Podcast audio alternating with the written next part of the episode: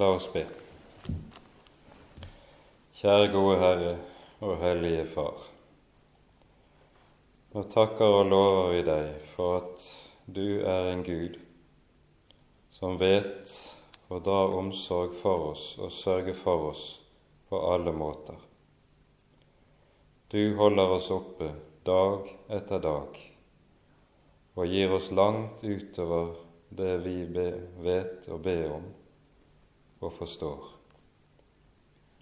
Takk, Herre, at vi også skal få være med og gi tilbake til deg.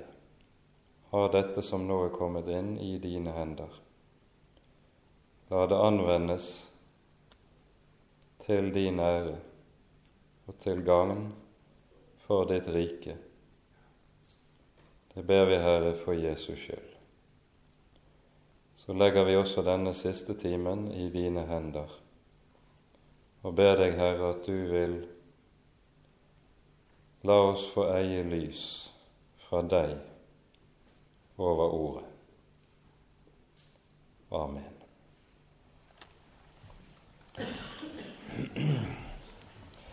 Denne siste timen skal vi da viet til å se noe nærmere på det som var yppersteprestens oppgave, nemlig soningens tjeneste, soningen som skulle gjøres på alteret. Vi nevnte i forrige time det som meldte seg umiddelbart etter det at loven var gitt der det sies i Annen Moseboks 20. kapittel et alter av jord skal du gjøre meg. På det skal du ofre dine brennoffer og dine takkoffer, ditt småfe og ditt storfe. På ethvert sted hvor jeg lar mitt navn i hu komme, vil jeg komme til deg og velsigne deg. Når vi leser Det gamle testamentet, så ser vi at offeret det er noe som følger den falne menneskehet helt fra begynnelsen av. Når vi hører om det som skjer etter utdrivelsen av Edens hage, så er nettopp det det første vi hører om i leddet som kommer, Kain og Abel som ofrer til Herren. Og Herren tar imot offeret av Abels hånd. Da skal vi være klar over at dette gjør Gud utelukkende fordi dette er noe som ikke bare Gud har behag i, men fordi det er noe Gud selv har innstiftet og gitt befaling om. Det er nemlig en grunnlov i vår bibel at det å dyrke Gud gjennom egne påfunn, selvlagede gjerninger, det er noe som aldri tas imot av Gud. Så selv om det altså ikke sies uttrykkelig på Mosebøkenes første blad at Gud innstifter en offertjeneste, så gir det seg ut fra det som ellers sies om hvem Gud er, og hva Hans vilje er, at menneskelaget gudstjeneste det er noe som alltid er utelukket hos ham. Når han kan ha behag i offer, så er det fordi han selv har gitt det. Nettopp denne grunnregel om hva Gud har behag i, og hva Gud ikke har behag i, det er jo noe Jesus understreker veldig sterkt i Matteusevangeliets 15. kapittel, der han taler om hvorledes Guds folk unnskyld, i sine frafallstider dyrker Gud med menneskepåfunn. Det som har med offeret å gjøre, det er uhyre viktig vi er klar over hva det egentlig er. Og Slik vi møter offeret i Det gamle testamentet, så skal vi vite at dette er det vi i ut ifra den gamle pakts sammenheng kan kalle for nådemidler. I den nye pakt har Gud gitt oss andre nådemidler, Ordet, dåpen og Den hellige nattverd, der Han møter oss og gir og rekker oss sin nåde. Men i den gamle pakt har Gud først og fremst gitt ett nådemiddel. Og det er det som er gitt på alteret. Og Her skal vi være klar over at Det gamle testamentet slik går rakt imot det som vi synes det er naturlig å tenke. For vi tenker at når et menneske ofrer noe til Gud, da er det mennesket som gir Gud noe. Men poenget med at offertjenesten i Det gamle testamentet er å forstå nettopp som nådemiddel, er at det, det mennesket har å gi Gud, det er overhodet ikke inne i bildet. Saken er at på alteret er det Gud som gir mennesket noe. Han gir nåde. Han gir syndenes forlatelse gjennom det som skjer på alteret. I forfallstidene i Israel var det slik at da kom Israel til også å bli preget av det som var den hedenske tankegangen om offer. Og denne består nettopp i at offer, det er noe vi yter Gud. Noe vi gir Gud. Og akkurat denne måten å tenke på er det noe som Gud går skarpt i rette med i en rekke sammenhenger i Det gamle testamentet. Vi kan her ganske kort vise til Salme 50.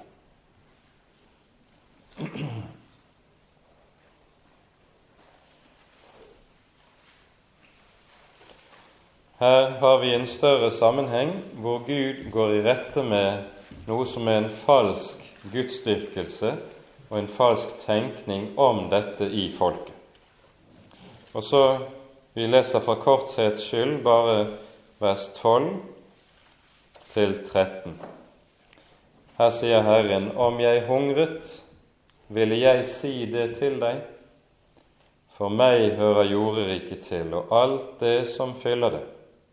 Mon jeg skulle ete oksers kjøtt og drikke bukkers blod?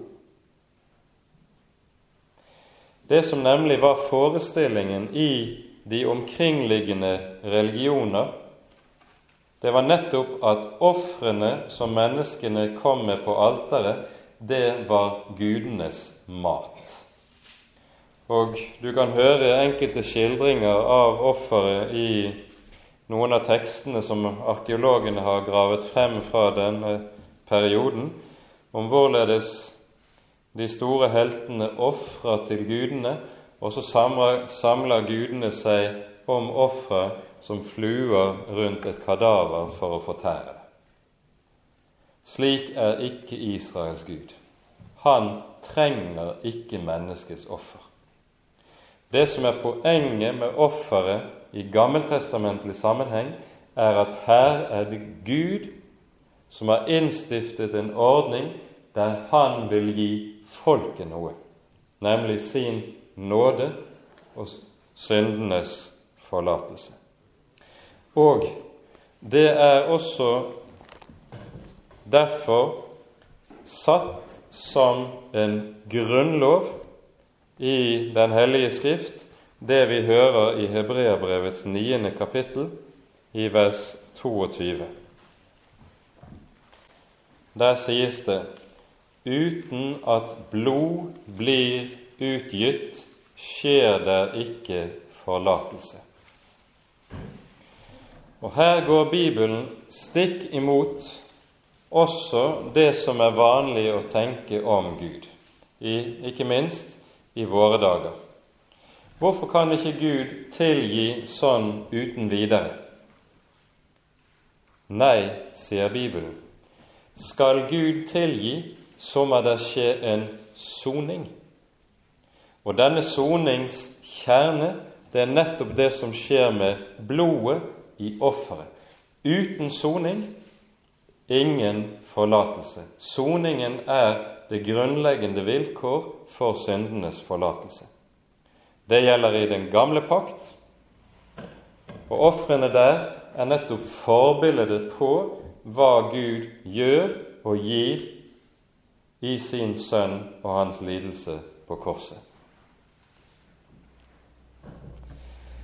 Ser vi på ofrene i Det gamle testamentet, så vil vi se at det er to grunntyper av ofre.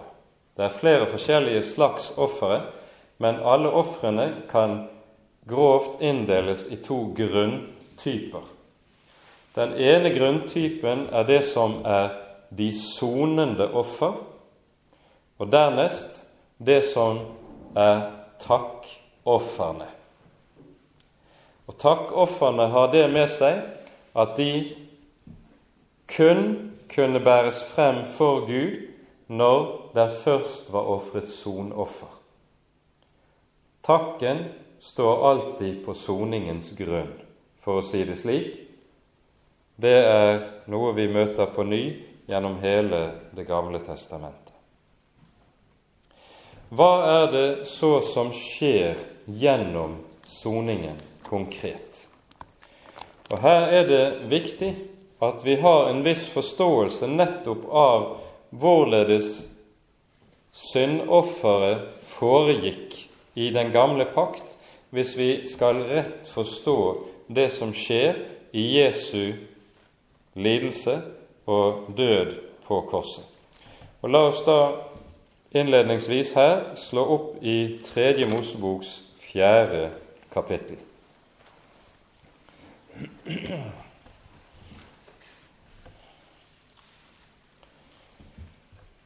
I dette fjerde kapittelet er finner vi loven om syndofferet, og vi hører om ulike slags syndoffer for ulike typer eller grupper uh, av mennesker i Guds folk. Vi nøyer oss her med å lese det avsnittet som dreier seg om synder begått av folket som fellesskap. Og Da leser vi fra vers 13 av. Dersom det er hele Israels menighet som synder av vannvare mot noe av Herrens bud, slik at det er skjult for folkets øyne, og de gjør noe som Han har forbudt å gjøre, og således fører skyld over seg, og så den synd de har gjort, blir vitterlig, da skal folket ofre en ung okse til syndoffer. Den skal de føre frem foran sammenkomstens telt. Og menighetens eldste skal legge sine hender på oksens hode for Herrens åsyn. Og så skal oksen slaktes for Herrens åsyn. Den salvede prest skal bære noe av oksens blod inn i sammenkomstens telt, og han, presten, skal dyppe sin finger i blodet og sprenge syv ganger for Herrens åsyn like foran forhenget. Noe av blodet skal han stryke på hornene av det alter som står for Herrens åsyn i sammenkomstens telt. Og resten av blodet skal han helle ut ved foten av brennofferalteret som står ved inngangen til sammenkomstens telt. Alt fettet på oksen skal han ta ut av den og brenne på alteret, han skal gjøre med denne okse like som han gjorde med den første syndofferokse. Og presten skal gjøre soning for dem, så de får forlatelse. Her hører vi om hvorledes fremgangsmåten skulle være helt konkret når det gjaldt syndofferet. Og det er omtrent samme fremgangsmåte vi finner når vi hører om offeret på den store forsoningsdagen, f.eks., og som vi hører om i det 16. kapittelet i Tredje Mosebok. Og La oss nå stanse opp ved et par grunnleggende saker i det vi her hører. Vi hørte i forrige time at det som var prestens betydning her var at han skulle være stedfortreder. Og han skulle også bære synd og skyld som var gjort i Guds folk. I offeret og i soningen som skjer, så hører vi også at offerdyret får samme stedfortredende rolle. Og Det som er poenget her, er at du har to som står overfor hverandre. På den ene side folket som vi hører om i denne sammenheng, som har gjort seg skyldig i synd, og på motsatt side et dyr som i høy grad er uskyldig. Et dyr har ikke etisk ansvar i det hele tatt. Et dyr kan ikke bære syndeskyld. Dyret er altså absolutt uskyldig. Det som skjer i offer, i og med syndofferet, er at en, et dyr som er uskyldig, blir satt til å bære det skyldige folkets misgjerning. Og da må det skje en så å si en overføring av skyld fra den skyldige part til det uskyldige, nemlig offerdyret. Hvorledes skjer det? Jo, det skjer gjennom det vi hører i vers 15.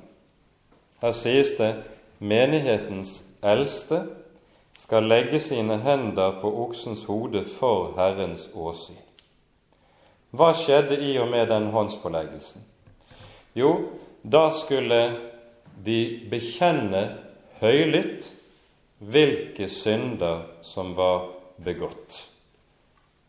Og loven, slik rabbinerne senere formulerte det meget detaljert, lød slik uttrykkelig at de som la hendene på offerdyrets hode, de skulle legge hendene på det med hele sin tyngde Det skulle ikke altså bare være en lett berøring, men med hele sin tyngde skulle den legge seg på dyrets hode.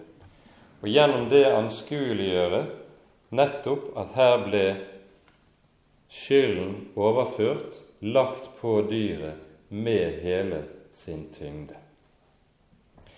Nå er det slik i Og det er noe som ikke kommer frem i våre bibeloversettelser at det er en særegenhet ved det hebraiske språk som er slik at det som i våre bibler er oversatt med å være skyldig, eller gjøre seg skyldig i noe, det er et uttrykk som, om du omsetter det bokstavelig på hebraisk, så ville det lyde at den synderen bærer sin misgjerning. Gjort synd, det er etter den bibelske tankegang ikke noe som du bare Det er en handling du har gjort, og så ligger det bak deg i tiden, og så er du liksom ferdig med det. Når synden er gjort, så bærer du den med deg videre. Og den ligger på deg som en byrde. Og Da er poenget at det som skjer gjennom synsbekjennelsen, det er at da legges denne byrde over på nettopp offerdyret. Slik at det uttrykk som tidligere ble brukt om at synderen er skyldig, altså bærer sin synd, det uttrykket kan nå i offerlovgivningen brukes om dyret.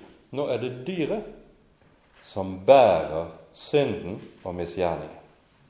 Og i, det, i den hebraiske grunnteksten er dette så konkret gjennomført at det ordet som brukes for syndoffer i hebraisk, det betyr rett og slett synd. Offerdyret blir synd. Det blir gjort til synd. Og Da skjønner vi hva som ligger i dette kjente, sentrale ordet i 2. Korinterbrevs 5. kapittel.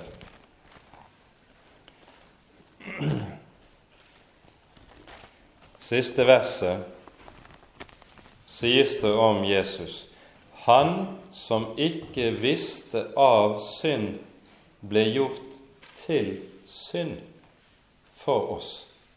Altså det brukes nettopp et uttrykk om ham som ble brukt i offerlovgivningen om syndofferet. Han ble gjort til synd, altså han ble syndofferet. Det er det som skjer gjennom denne her håndspåleggelsen. Og Når offerdyret så er blitt bærer av synden, da er det offerdyret som også skal bære konsekvensene av synden. Og Der er det en grunnlov i Bibelen som sier syndens lønn er død. Det må dø. Det er noe Gud sa til Adam og Eva allerede før syndefallet. Dersom dere eter, skal dere visselig dø.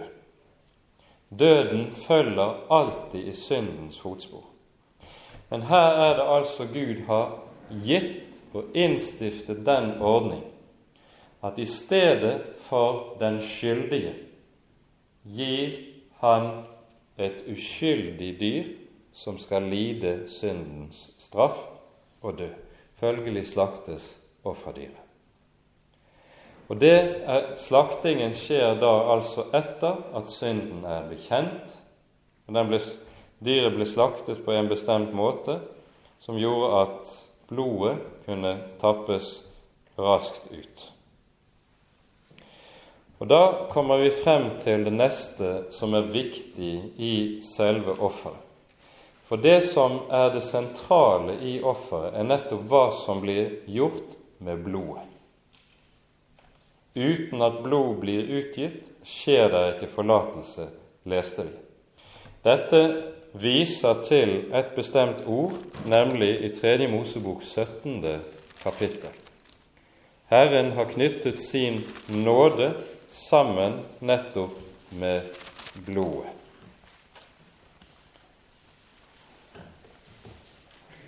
Her står det slik, 3. Mosebok 17, vers 11.: Kjøttets sjel, eller kjøttets liv, er i blodet, og jeg har gitt dere det på alteret til å gjøre soning for deres sjeler. For blodet er det som gjør soning, fordi sjelen er i det.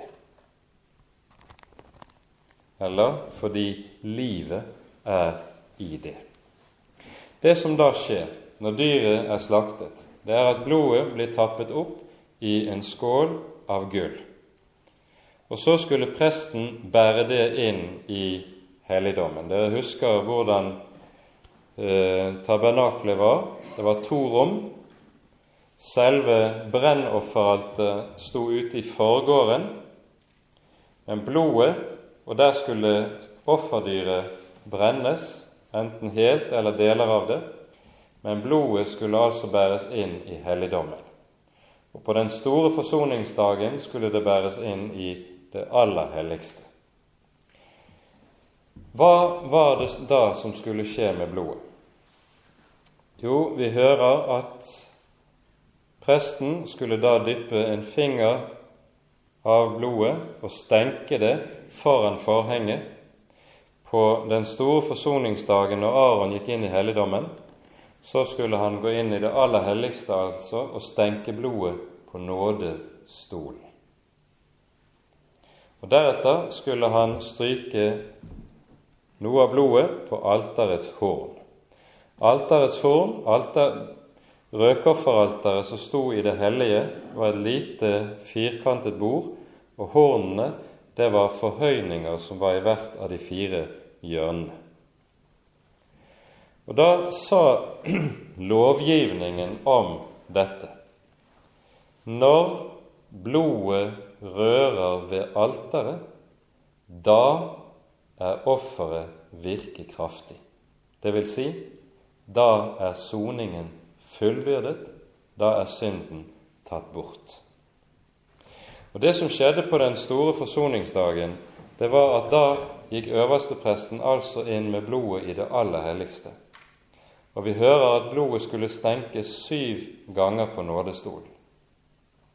Det som er underlig å tenke på, det er at det sies uttrykkelig i den rabbinske lovgivningen hvorledes denne blodsbestenkningen skulle foregå. Den skulle nemlig skje slik fire ganger ned og så tre ganger fra venstre mot høyre. Blodet ble stenket gjennom at det ble gjort korsets tegn der inne i det aller helligste.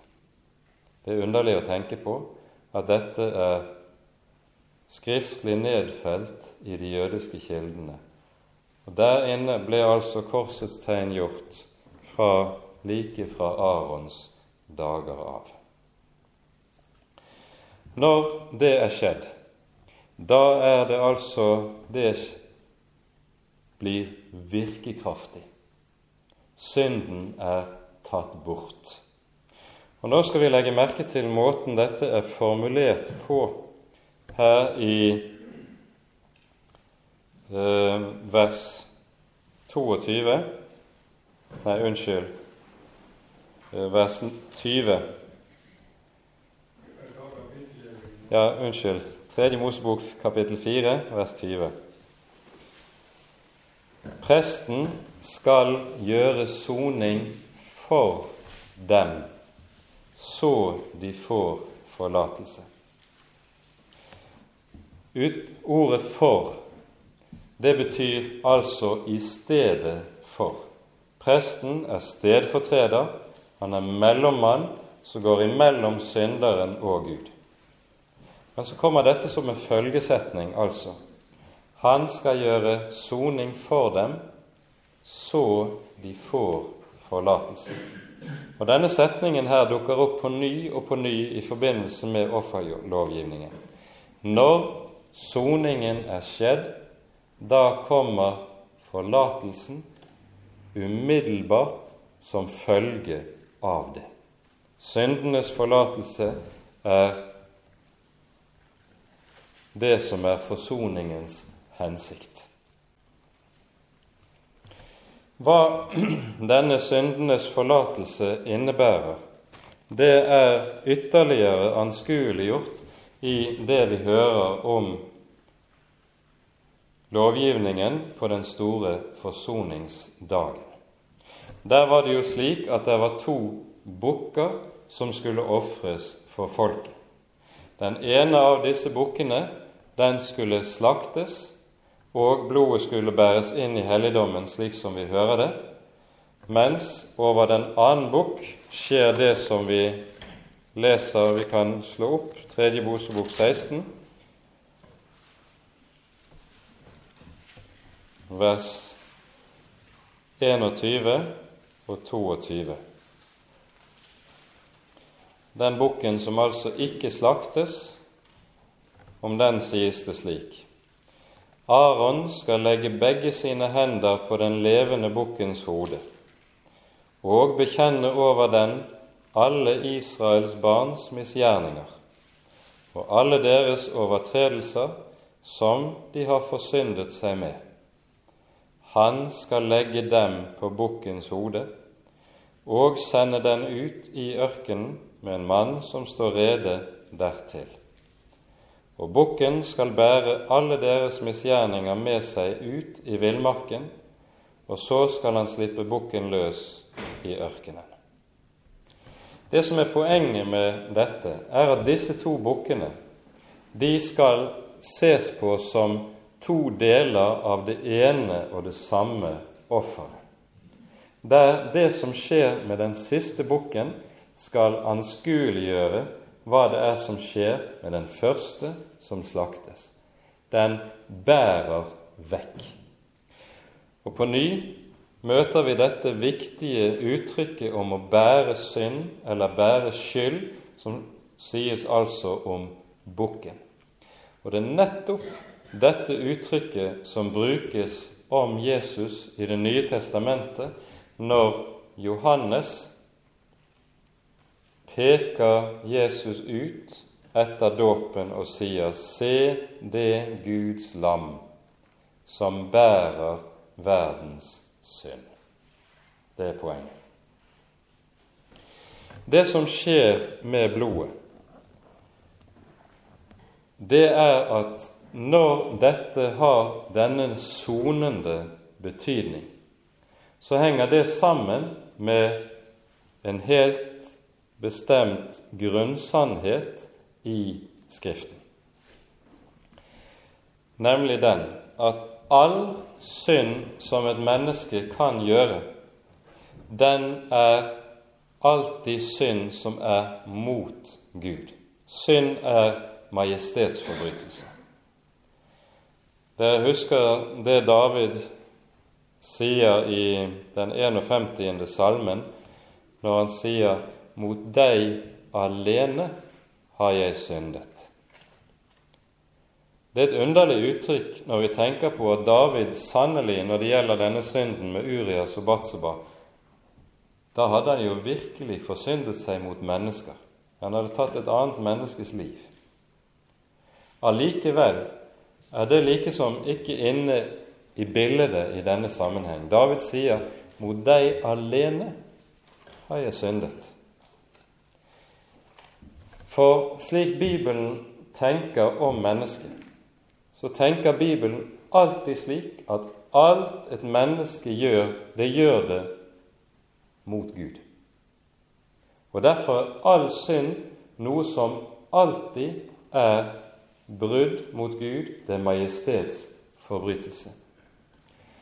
Og Nå er det jo da også slik at hvis du har to parter som står overfor hverandre, og den ene gjør urett mot den annen, da er det bare, ja, bare, den forurettede part som også kan sørge for eventuell tilgivelse og gjenopprettelse av forholdet.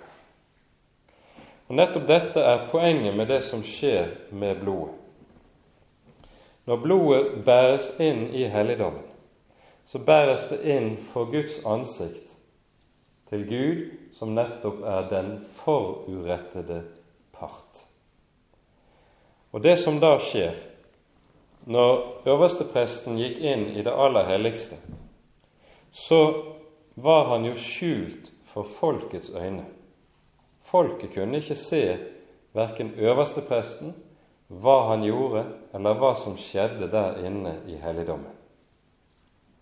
Men hva som skjer, det har sitt poeng formulert i 2. Moseboks tolvte kapittel. Det som er på en måte eh, det offeret som står som forbildet og som foregriper all, alle de senere offer i Israel, der vi nemlig hører om påskelammet. For når vi hører om påskelammet, så hører vi jo at det er et lam som skal slaktes, og så på dørkarmene på utsiden av husene hvor Israel sitter og eter lammet påskenatten, der skal det strykes blod. Og så sies det om dette i 2. Mosebok 12, vers 13.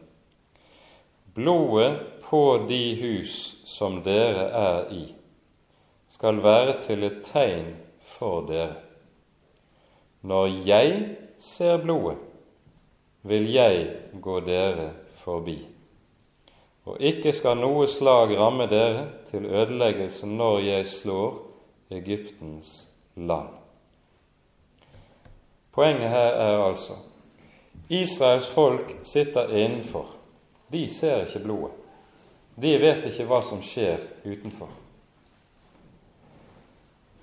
Men blodet er for Gud. Han sier altså 'når jeg ser blodet, da vil jeg gå forbi'. Ingen dom, intet slag skal ramme. Og det taler til oss meget sterkt om hva betydningen av Kristi offer egentlig bærer med seg. For vi kan vel ofte ha det med det at vi synes vi forstår og skjønner lite av hva dette egentlig innebærer. Men det spiller egentlig ikke så stor rolle. For det som er saken, er at Gud ser det. Gud regner med det.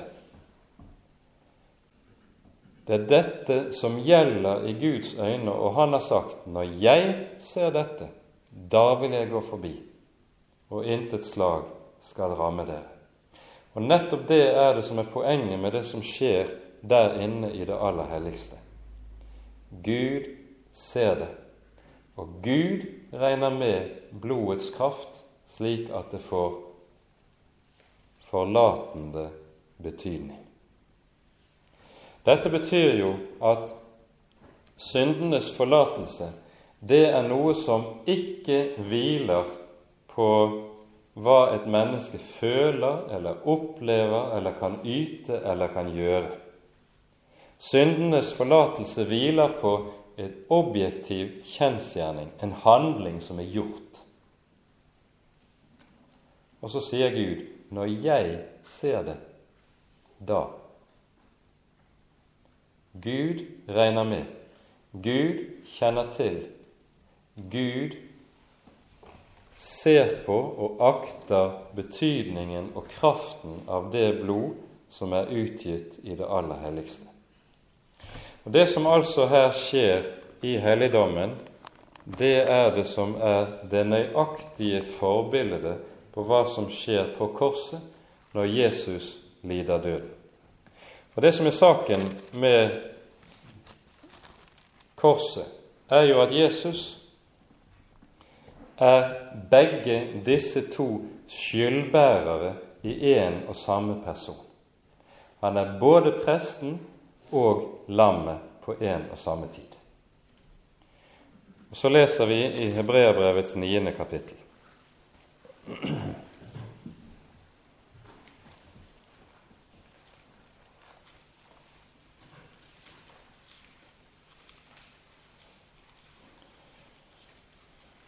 Her er det slik at først så tales det om den gamle pakts offeres utilstrekkelighet, fordi de aldri var noe mer enn forbilledlige. Og så, fra vers 11 av, hører vi Men da Kristus kom som ypperste prest for de kommende goder, gikk han gjennom det større og fullkomnere telt som ikke er gjort med hender, det er som ikke er av denne skapning. Ikke med blod av bukker og kalver, men med sitt eget blod. En gang inn i helligdommen og falt en evig forløsning. For så sant blod av bukker og okser og asken av en kvige, når den sprenges på de urene, helliger til kjødets renhet hvor meget mer skal da Kristi blod, Han som ved en evig ånd bar seg selv frem som et ulastelig offer for Gud, rense deres samvittighet fra døde gjerninger til å tjene den levende Gud. Det er det Jesus gjør. Et evig, gyldig offer, et offer som Gud ser, som Gud regner med, og som gjelder uten forbehold i Guds øyne. Soningen er fullbyrdet. Når Jesus dør, så hører vi underlig nok Dette skjedde jo antageligvis etter vanlig tidsregning i år 30 40 år senere så ødelegges tempelet i Jerusalem av romerne. Og Det underlige er at i jødiske kilder fra denne tiden sies det om det som skjedde på den store forsoningsdagen nettopp i Jesu dødsår. 40 år før tempelet ble ødelagt, mistet ofrene sin kraft. Jødene merket altså at det var skjedd noe det året. Da var det nemlig båret frem det offer, den fullkomne soning, som alle de andre ofrene bare var bilder på. Og Dermed falt grunnlaget for den forbilledlige tjenesten også vekk. Ofrene mistet sin kraft. Hva som skjer i og med Jesu lidelse og død på korset slik, det har også annen, et annet meget sterkt bilde med seg som anskueliggjør betydningen av det. Vi hører jo om hvorledes forhenget i tempelet revner i det han utånder på korset.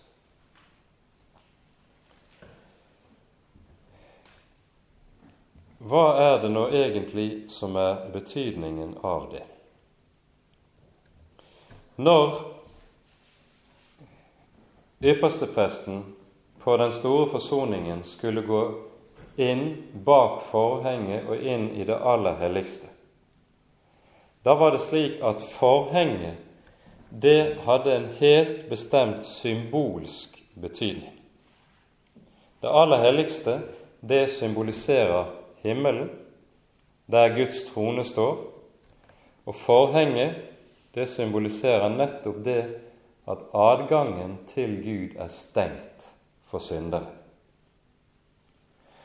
Og nettopp det, symbolikken i det, var meget klart gjennomført i det der på forhenget skulle være vevet inn bestemte engleskikkelser, nemlig kjerubene. På forhenget skulle det være vevet inn kjeruber. Hvem var kjerubene? Jo, det er de vi hører om i Første Moseboks tredje kapittel, som Gud stiller utenfor hagen når Adam og Eva er utvist fra hagen. Og så står det Herren stilte kjerubene med det luende sverd der for å vokte veien til livets tre.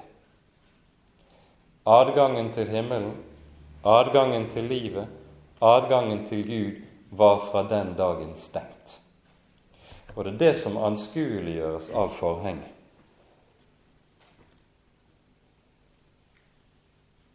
Men når Jesus dør, så revner forhenget.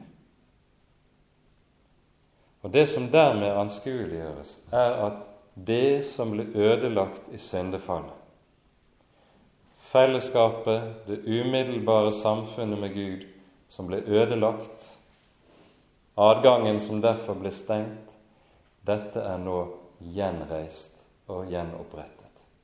Veien er åpnet på ny. Og så sies det slik i Hebreabrevets tiende kapittel.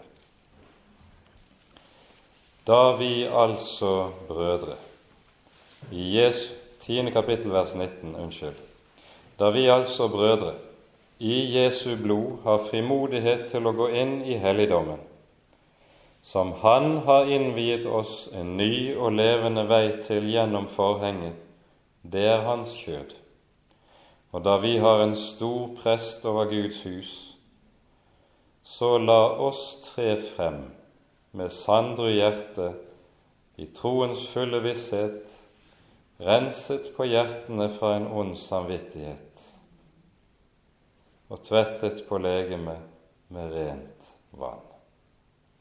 Adgangen til Gud er åpnet på ny. Veien er fri. Ingen synd kan lenger lukke et menneske ute fra Guds nærhet. Og så er Jesus blitt den øverste prest som åpnet det som var stengt.